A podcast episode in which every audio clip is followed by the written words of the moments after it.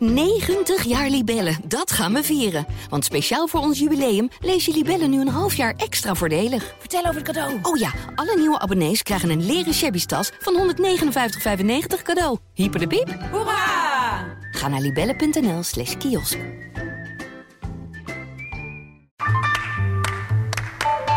Ik lees de Volkskrant omdat kennis van zaken hebben mij geruststelt. En ik mij daardoor sterker in mijn schoenen voel staan. Eigenlijk zou iedereen de Volkskrant moeten lezen. Gun jezelf ook de Volkskrant. Ga meteen naar volkskrant.nl slash nu. En lees de krant tot wel acht weken voor maar 4 euro. Stopt vanzelf volgens de actievoorwaarden. Welkom bij Ondertussen in de Kosmos, de wetenschapspodcast van de Volkskrant. Deel 6 alweer van onze reeks interviews over het klimaat. De afgelopen delen hebben we gezien dat het klimaat verandert, waarom het klimaat verandert, wat het voor gevolgen heeft en hoe de internationale gemeenschap er tegen probeert op te treden. Maar wat vinden Nederlanders daar eigenlijk van? Kan het ons eigenlijk al een beetje bommen, die klimaatverandering? Of is het zoals wel vaker met wereldproblemen hartstikke erg hoor, zolang we er maar niets voor hoeven te doen? Op zoek naar antwoorden op die vraag zijn we aangeland in Den Haag bij het Sociaal en Cultureel Planbureau. En hier aangeschoven aan tafel zit een wetenschapper die nou ja, onderzoek doet naar precies die vraag. Yvonne de Kluisenaar, welkom. We zitten hier bij het Sociaal en Cultureel Planbureau. Toch eventjes, hè? de meeste mensen kennen die naam wel. Wat is het Sociaal en Cultureel Planbureau precies? Eh, Ja, het Sociaal en Cultureel Planbureau is dus een van de drie planbureaus die Nederland heeft. Ehm, en wij doen onafhankelijk onderzoek, beleidsrelevant onderzoek, ehm, naar ehm, de sociaal-wetenschappelijk eh, onderzoek. Om daarmee onder andere beleid te voorzien van inzichten die van belang zijn voor kwaliteit van leven van eh, mensen in Nederland. Ja, ja, ja. En ehm, eh, ja, het Sociaal Cultureel Planbureau doet dus onderzoek naar ja, hoe mensen denken over duurzaamheid. Hè? Zo mag ik het zeggen. Daar sta je, jij, bent daar, jij voert dat uit, dat onderzoek. Wat is precies de grote onderzoeksvraag waarop jullie nou eigenlijk het antwoord willen weten? Ja, daar speelt eigenlijk heel veel. We willen eigenlijk weten van wat doen mensen, wat kunnen mensen, wat willen mensen. Maar we kijken veel verder dan dat. Dus we kijken ook naar waar maken mensen zich nou zorgen om? Hoe zit het in, hoe zit het in elkaar met steun voor maatregelen? Ehm, hoe, hoe kijken mensen aan tegen rechtvaardigheid? Worden de kosten eerlijk verdeeld? Hoe zien ze de toekomst? Dus als het gaat om al die veranderingen die nu plaatsvinden. ehm, wat verwachten ze dat er vooruit, op vooruit zal gaan? Wat verwachten ze dat er op achteruit zal gaan? Ja. Ehm, om een beter beeld te krijgen eh, hoe mensen in Nederland daarover denken, hoe zij daarin staan, maar ook hoe dat verschilt tussen groepen. Ja. Want niet iedereen kan op dezelfde manier mee in die verandering. Het is niet één soort Nederlander natuurlijk. Nee, Ja. Precies. Ja. Laten we eens proberen het is een beetje inhoudelijk af te pellen. Ik heb hier jullie laatste rapport heb ik voor me liggen van alweer wel van zomer vorig jaar hè, is het eigenlijk. Klimaatbeleid in de samenleving staat er op de voorpagina. Ehm, hoe diep zitten onze zorgen over het klimaat eigenlijk? Zijn Nederlanders bezorgd over het klimaat? Ja, dat laten onze gegevens wel zien. Hè, we zien dat ehm, inmiddels is eh, de overtuiging dat klimaatverandering plaatsvindt, dat is eh, niet meer zo de vraag. Hè. Dus Ja. bijna 80% van de mensen geeft wel aan, ik geloof dat er klimaatverandering plaatsvindt door menselijk handelen. We zijn ervan overtuigd, het gebeurt echt. Ja. Het gebeurt echt. eh, dat is wel de brede overtuiging. Ehm, die bezorgdheid die wordt ook breed gedragen. We zien dat ruim eh driekwart van de mensen ook bezorgd is eh, in enige mate over het klimaat. Maar goed, de mate van bezorgdheid verschilt natuurlijk wel. Ja. Hè, dus niet iedereen is daar even bezorgd over. Ja. Ik heb wel het idee dat het thema meer is gaan leven. En dat zien we eigenlijk op verschillende manieren in ons onderzoek terug. Hè? Dus we zien in het eh, ieder kwartaal bevragen we mensen om wat zij denken dat op dit moment het belangrijkste probleem in Nederland is. Eh, dan zagen we dat eh, klimaat en milieu staat al heel lang in, het, eh, in de top 5 van onderwerpen die dan het meest genoemd worden. Alleen sinds 2016 zien we daar een duidelijke stijging in. Ja. En je ziet dan ook eigenlijk dat eind 2019 stond klimaat op een tweede plek na samenleven. Ja. Ehm, dus het zegt wel dat dat thema steeds prominenter ook leeft bij mensen. Ja, dat is heel gek inderdaad. Het viel mij ook op. Heel lang zie je het eigenlijk op de vijfde plaats staan. En ineens die wip omhoog. Wat is het waardoor mensen het ineens zijn gaan ervaren als een groter probleem, denk jij? Ja, dat kan met heel veel verschillende dingen te maken hebben. Dat hebben we natuurlijk niet zo onderzocht. Ehm, het is natuurlijk wel zo dat ehm, de hele discussie komt steeds meer op gang. Het is ook steeds meer onderwerp van, van politieke discussie. Um, en ook, uh, ook wereldwijd. Uh, er komen natuurlijk ook vanuit de wetenschappelijke wereld steeds meer alarmistische, al, al, uh, alarmerende ja, signalen.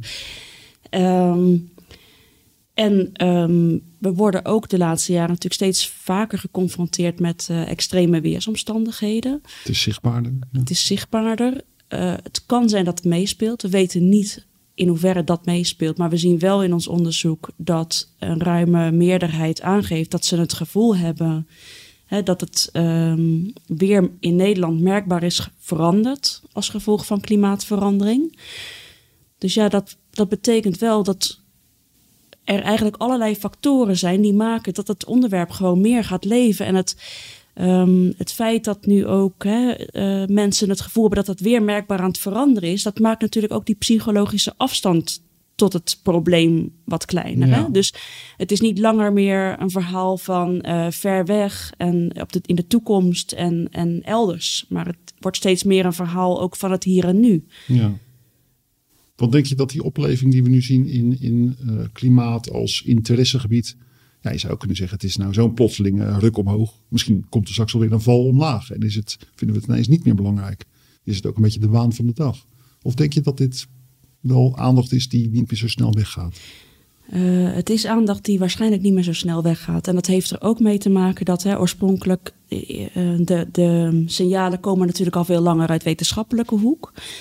Maar de laatste jaren wordt ook steeds duidelijker. En dat zie je natuurlijk ook in, in allerlei uh, publicaties terug. Ook uh, wetenschappelijke publicaties internationaal die laten zien dat die kosten van niets doen. Uh, waarschijnlijk vele malen hoger zullen uitpakken dan de kosten van tijdig ingrijpen. Ja. Um, en ook de financiële wereld pakt dat meer op. Dus ik denk dat ja, dat dat ook zal maken natuurlijk dat we um, het verhaal van klimaatverandering tegengaan is duur, heeft ook een ander verhaal. Klimaatverandering niet tegengaan is ook duur. En ik heb het idee dat dat, uh, dat kunnen we niet op basis van ons onderzoek zeggen, maar wel wat je natuurlijk internationaal Voelt dat wel ziet. Aan. Ja, ja. Um, ja, verwacht ik niet dat dat zomaar weg zal gaan. Want nee. dat probleem dat lossen we natuurlijk niet, niet, niet zomaar op. Ja.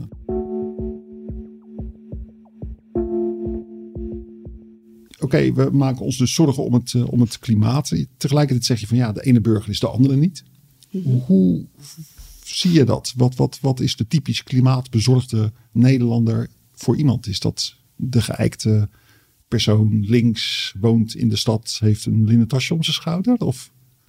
Ja, dat is een goede vraag. Kijk, wat we zien in, in aantallen, als je ziet dat 76% van de mensen aangeeft bezorgd te zijn over het klimaat. Nou ja, dan, dan zie je eigenlijk al dat reikt veel verder dan de mensen, hoe noemde je ze, met de linnen tasjes. Hm. Ja. In de steek. um, dus ik denk, het raakt ons allemaal. Wat we wel zien, is we hebben gekeken naar de verschillende zorgen die mensen hebben over klimaatverandering zelf. En de zorgen die ze hebben over de gevolgen van maatregelen. Dan zien we daar eigenlijk iets opvallends aan. De cijfers als zodanig zien we dat driekwart van de mensen maakt zich zorgen over dat klimaatmaatregelen ergens op voor zullen zorgen dat het leven duurder wordt. Uh, maar we zien ook dat driekwart van de mensen zich zorgen maakt dat de maatregelen niet toereikend zijn om het probleem op te lossen. Hmm. Um, dus je ziet eigenlijk daar alleen al aan dat die zorgen vaak samen voorkomen. Ja. Um, we hebben ook een uh, latente klasseanalyse gedaan, zoals dat heet, om te kijken van kunnen we nou bepaalde onderliggende groepen uh, in die data onderscheiden. Hè? Dus um, van patronen van zorgen die vaak samen voorkomen. Ja. Nou ja, daar zie je dus uit dat uh, daar springen eigenlijk dan meerdere groepen uit. Hè? Dus uh, een groep die zich vooral zorgen maakt over klimaat, maar veel minder over de kosten van maatregelen. Er zijn is een hele kleine groep die zich uitsluitend zorgen maakt over die kosten van maatregelen, maar eigenlijk hele, ja, in veel mindere mate vrijwel niet over het klimaat. Dat is een kleine groep. Veel vaker zie je dat die zorgen samen voorkomen. Dat mensen zich zowel zorgen maken over het klimaat als ook over die kosten van maatregelen. Ja. Um, en daar zien we natuurlijk wel samenhang met um, ja, de, de hulpbronnen waar mensen over beschikken. Hè? Dus financieel en uh, hoe goed zij zich uh, uh, in de samenleving kunnen redden. Want, um, wat is dat voor samenhang? Nou, we zien bijvoorbeeld dat hoger opgeleide mensen die makkelijk kunnen rondkomen, ja, daar is de kans veel groter dat ze horen tot die groep die zich uitsluitend zorgen maakt over het klimaat en veel minder over de kosten. Ja. Um, we zien de, dat de groep waar eigenlijk beide zorgen voorkomen, zowel over um, klimaat als over die kosten, um, daar, daar komen eigenlijk alle groepen mensen in voor. Maar mensen die minder makkelijk kunnen rondkomen, die hebben natuurlijk een veel grotere kans om in die groep te, te vallen dan in Ja. die andere groepen. Dus um, het is allemaal niet zwart-wit. Nee. Dus je kan niet zeggen van dat zijn alleen die mensen. Uh, in, in al die groepen komen alle bevolkingsgroepen voor. Ja, ja, Maar je ziet wel dat, uh, dat zich daar verschillen aftekenen. ja, ja. En interessant is dus ook best wel een substantiële groep die, nou ja, uh, klimaatbezorgd is en, en zich tegelijkertijd verzet tegen, als maar niet heel, heel te veel geld gaat, uh, gaat kosten. Nou ja, we zien dus um, dat echt ruim de helft van de mensen um, verwacht dat ze er financieel op zullen achteruit gaan. Um, ik geloof dat maar 1 op de 10 van de mensen verwacht dat door de energietransitie, hè, dus de overstap naar duurzame energie, dat zij daar zelf op vooruit zullen gaan. Uh, dat is dus maar een hele kleine groep. Wow, ruim de helft verwacht dat we erop achteruit gaan door de energietransitie. Ja, en um, ook ongeveer even zoveel mensen verwachten dat andere Nederlanders er financieel op zullen uit, achteruit gaan door de energietransitie. En ongeveer de helft, iets meer dan de helft van de mensen verwacht ook dat de armoede in Nederland zal toenemen en dat de ongelijkheid zal toenemen als die energietransitie plaatsvindt. En nou is natuurlijk lastig te zeggen in hoeverre mensen dat echt koppelen aan die transitie of over een algemene verwachting die ze hebben. Dat speelt natuurlijk uh, door elkaar heen. Mensen maken zich daar sowieso natuurlijk ook zorgen om. Um, maar het geeft wel aan uh, ja, dat, uh, dat, dat die zorgen beide voorkomen. En um, tegelijkertijd zitten er natuurlijk ook wel veel, veel, veel kansen in die overstap. Hè? Dus um, uh, mensen zien wel dat de leefomgevingskwaliteit erop vooruit kan gaan. een deel van de mensen ziet ook wel dat er ook wel economische kansen zijn. Er zijn natuurlijk ook kansen voor de arbeidsmarkt. Maar de vraag is in hoeverre voelen mensen dat nu al? En um, ja, op dit moment hebben mensen dus niet het gevoel. Dus mensen zijn vrij pessimistisch over wat voor gevolgen zal, het zal hebben voor hun eigen financiële situatie. Ja. Dus veel mensen maken zich zorgen dat het leven duurder zal worden. En dat ze, moeite, dat ze meer moeite zullen gaan krijgen met het betalen van de energierekening bijvoorbeeld. Ja, ja, onze duurzame wereld die we ons voorstellen is een nare wereld waar iedereen minder geld heeft, mensen arm worden. Dat is een beetje het gevoel bij veel mensen. Ja, en misschien ja, we, je weet natuurlijk niet zo goed waardoor dat komt, maar het is natuurlijk wel een uitdaging dat wil, wil iedereen mee kunnen in die veranderingen, ja. dat ook um, iedereen daarin mee kan. Hmm. En je, zou je, je kan je voorstellen dat mensen die het nu al moeilijk hebben, daarvoor is een kleine achteruitgang uh, kan, kan heel uh, ja, uh, impactvol zijn. Ja. Terwijl een kleine verbetering ook kan zorgen dat mensen ineens uh, veel makkelijker uh, in het leven staan. Ja. Dus dat de kwaliteit van het leven enorm verbetert. Dus er zit ook potentie voor verbetering. Dus wat, wat bedoel je met verbetering? Een verbetering in dat het leuk is. Dat, dat we leuk ja, kijk, bijvoorbeeld um, woningverduurzamingen. Dus nu, uh, we hebben gezien dat Um, subsidies voor woningverduurzaming. Um, dat is een effectieve maatregel om mensen te helpen om hun woning te verduurzamen. Ja. Nou is het natuurlijk wel zo dat om in aanmerking te komen voor subsidie, moet je zelf een voorinvestering kunnen doen. Daar moet je geld voor vrij kunnen maken. Je moet je een weg kunnen banen door al die offertes, door subsidie aanvragen, wat vaak complex is voor, voor veel mensen. Dus je hebt daarvoor nodig financiële middelen, maar ook andere hulpbronnen, zoals hè, vaardigheden, digitale vaardigheden. Je hebt eigenlijk een heel pakket nodig om je daar toegang tot te vinden. Nou ja, dat, dat zien we dus ook in de, in de praktijk, dat ehm, mensen die over minder hulpbronnen beschikken, veel minder makkelijk toegang vinden tot die middelen. Ja. Ehm, terwijl hè, dus mensen die minder, over minder hulpbronnen beschikken, die in slechter geïsoleerde woningen zitten, die staan eigenlijk, je zou kunnen zeggen, met de rug tegen de muur op het moment dat de energieprijzen stijgen. Ja. Ehm, terwijl daar, als die woningen verduurzaamd zouden worden, de energierekening omlaag zou kunnen. Mensen in een comfortabelere woning wonen, ook in een gezondere woning kunnen wonen. Dus eh, oudere woningen met veel tocht, vocht en schimmel. eh, hè, dat dat eh, woningkwaliteit, daar, daar, kan ook een eno- enorme comfort- en gezondheidswinst geboekt worden. Dus ehm, nou, de vraag is hoe je dus eh, ook die mensen goed mee, mee kan nemen, die Ja. dat zelf moeilijker kunnen. En, en het antwoord op die vraag. Ik woon zelf in een, in een arbeiderswijk van koopwoningen. Van mensen die er al heel lang wonen. Veel oudere mensen. eh, Mensen die niet hoog opgeleid zijn. Het zijn simpele arbeidershuisjes. Halfsteens muurtjes. Heel slecht geïsoleerd. En in mijn, de wijk waar ik woon, daar heerst heel erg het gevoel. Die klimaatmaatregelen. Het gaat alleen maar heel veel geld kosten. We hebben daken waar geen zonnepanelen op passen. We hebben geen, eh, geen plek voor Tesla's voor de deur lieve help, die klimaat, eh, die duurzaamheidsmaatregelen, dat is iets voor andere mensen. Dat is iets voor rijke mensen. Daar horen wij niet bij. Hoe doorbreek je dat? Ja, dat is een goede vraag. Ja, we zien dat ook in eh, ons onderzoek terug, hè, waar het gaat om woningverduurzaming. Dat een heel groot deel van de mensen ehm, vindt het heel lastig om te bedenken wat een goed alternatief zou zijn voor hun verwarmingssysteem. Mensen vertrouwen nog niet in die alternatieven. Mensen wachten af ook eh, tot ze wat horen van de overheid. Hè. Dus eh, wat gaat de overheid doen in mijn wijk bijvoorbeeld, Ja. is een belangrijke vraag. Dus eh, die onduidelijkheid ehm, en, en die onzekerheid, die maakt natuurlijk dat mensen vaak een afwachtende houding aannemen.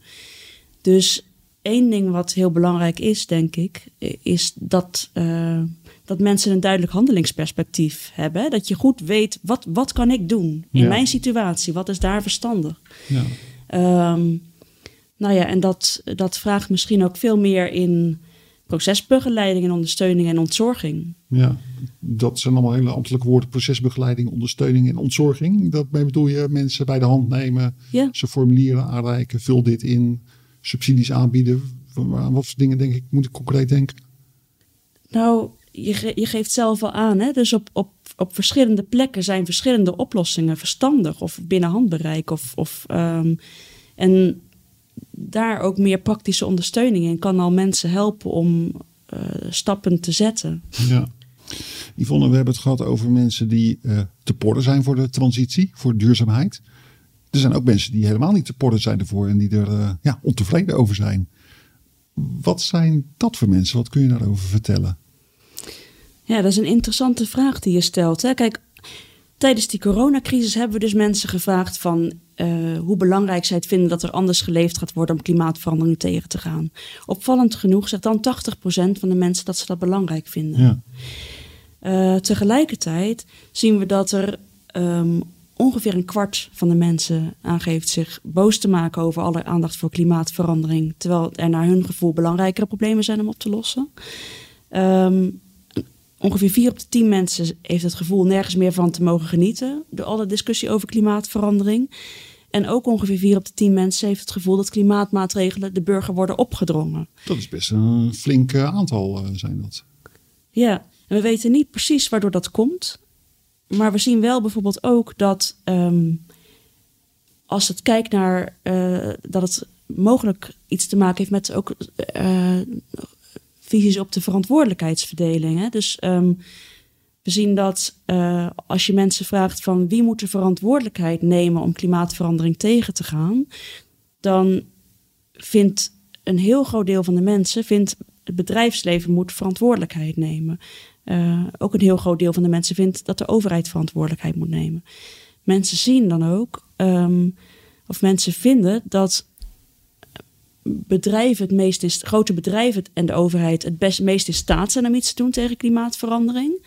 Terwijl ze met name van de bedrijven het idee hebben dat bedrijven uh, beperkt bereid zijn en nog onvoldoende doen. Ja. Uh, tegelijkertijd zien we ook, als je mensen vraagt naar ervaren rechtvaardigheid van de verdeling van de kosten van klimaatmaatregelen, dan hebben mensen het gevoel het gaat dan niet om hoe het feitelijk is. Het gaat om het gevoel van mensen. Dan geeft een meerderheid van de mensen geeft aan dat ze het gevoel hebben dat de kosten van het tegengaan van klimaatverandering oneerlijk worden verdeeld. En dan met name als het gaat tussen burgers en bedrijven. Ja.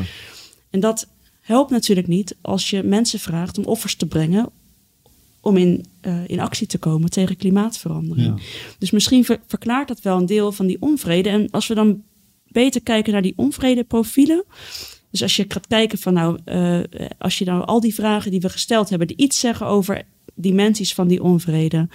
En je gaat dan kijken welke patronen zien we daarin. Dan zie je dat er een groep is, en dat is ongeveer 1 op 5.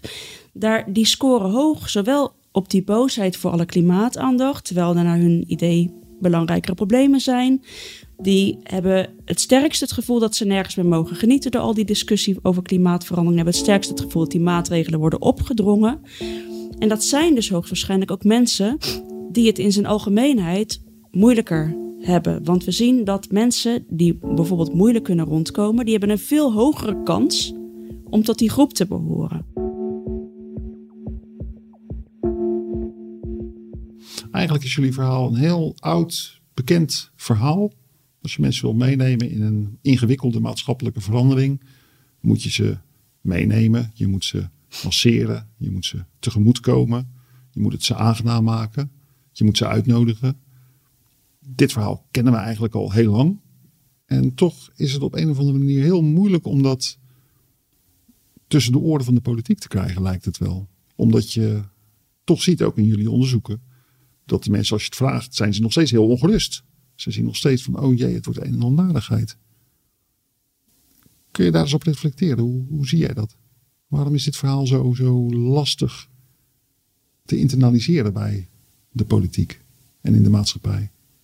Ja, dat heb ik natuurlijk niet, niet onderzocht op die manier. Dus ik kan daar ook niet zoveel over zeggen. Maar misschien heb je, ik kan me voorstellen dat je daar wel gedachten over hebt, buiten het onderzoek. Kijk, het is gewoon heel belangrijk de, de keuzes die je nu maakt, ook in, die, in al die veranderingen, die hebben hun weerslag op andere beleidsdomeinen. Het gaat niet alleen om het klimaat, het heeft ook effect op de kwaliteit van wonen, van de leefomgeving. Uh, het kan effecten hebben op de arbeidsmarkt, op, uh, op, op inkomens, op bestaanszekerheid van mensen. Dus de keuzes die je maakt die hangen samen, die, hebben, die werken door. Dus het is gewoon enorm belangrijk in die ontwikkeling van beleid om maatregelen die worden uitgedacht voor één, voor één domein goed te doordenken op effecten uh, op die andere deeldomeinen, maar ook op effecten voor, verschillende groepen. Um, en uh, het is dus belangrijk om daarin meer een brede welvaartsperspectief te hanteren. Dus uh, het nastreven van die verschillende do doelen.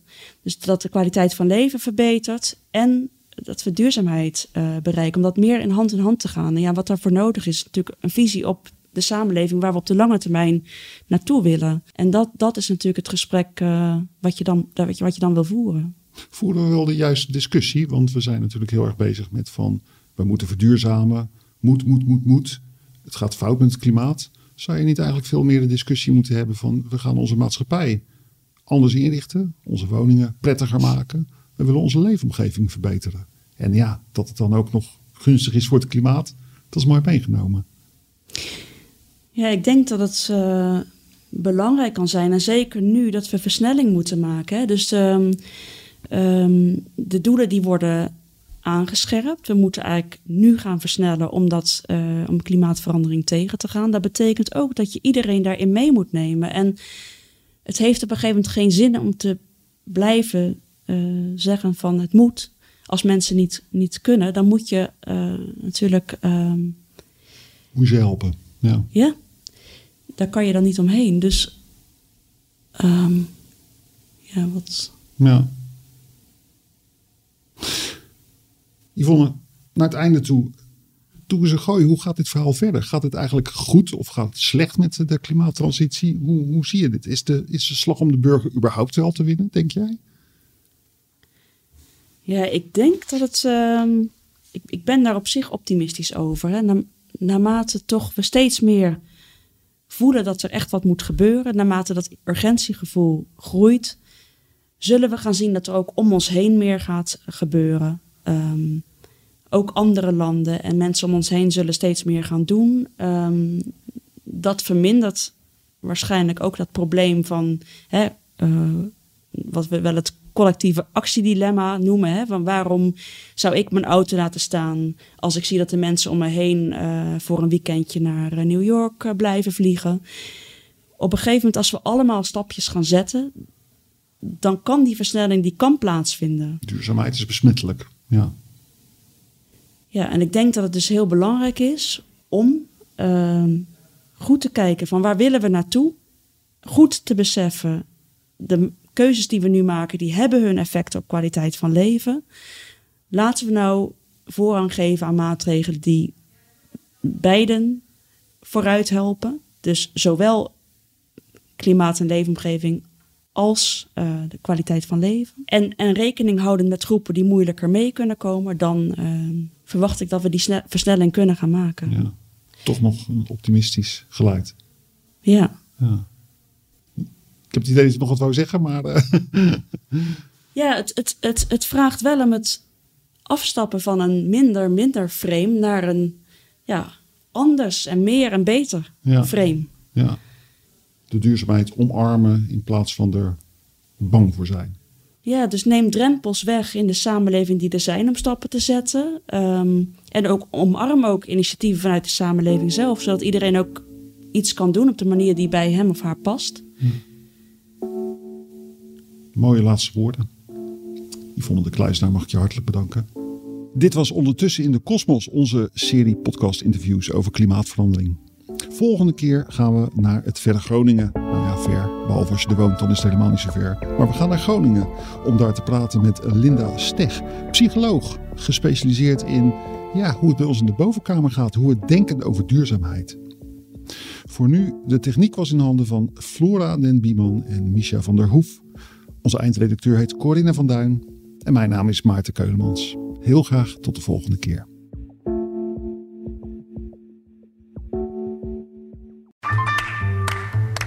Ik lees de Volkskrant omdat ik altijd alle kanten van een verhaal wil weten. En ik nieuwsgierig ben naar de mening van anderen. Eigenlijk zou iedereen de Volkskrant moeten lezen.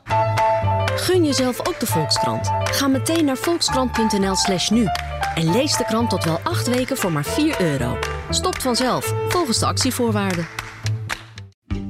90 jaar Libellen, dat gaan we vieren. Want speciaal voor ons jubileum lees je Libellen nu een half jaar extra voordelig. Vertel over het cadeau. Oh ja, alle nieuwe abonnees krijgen een leren shabby tas van 159,95 cadeau. Hyper de piep. Hoera! Ga naar libellen.nl slash kiosk.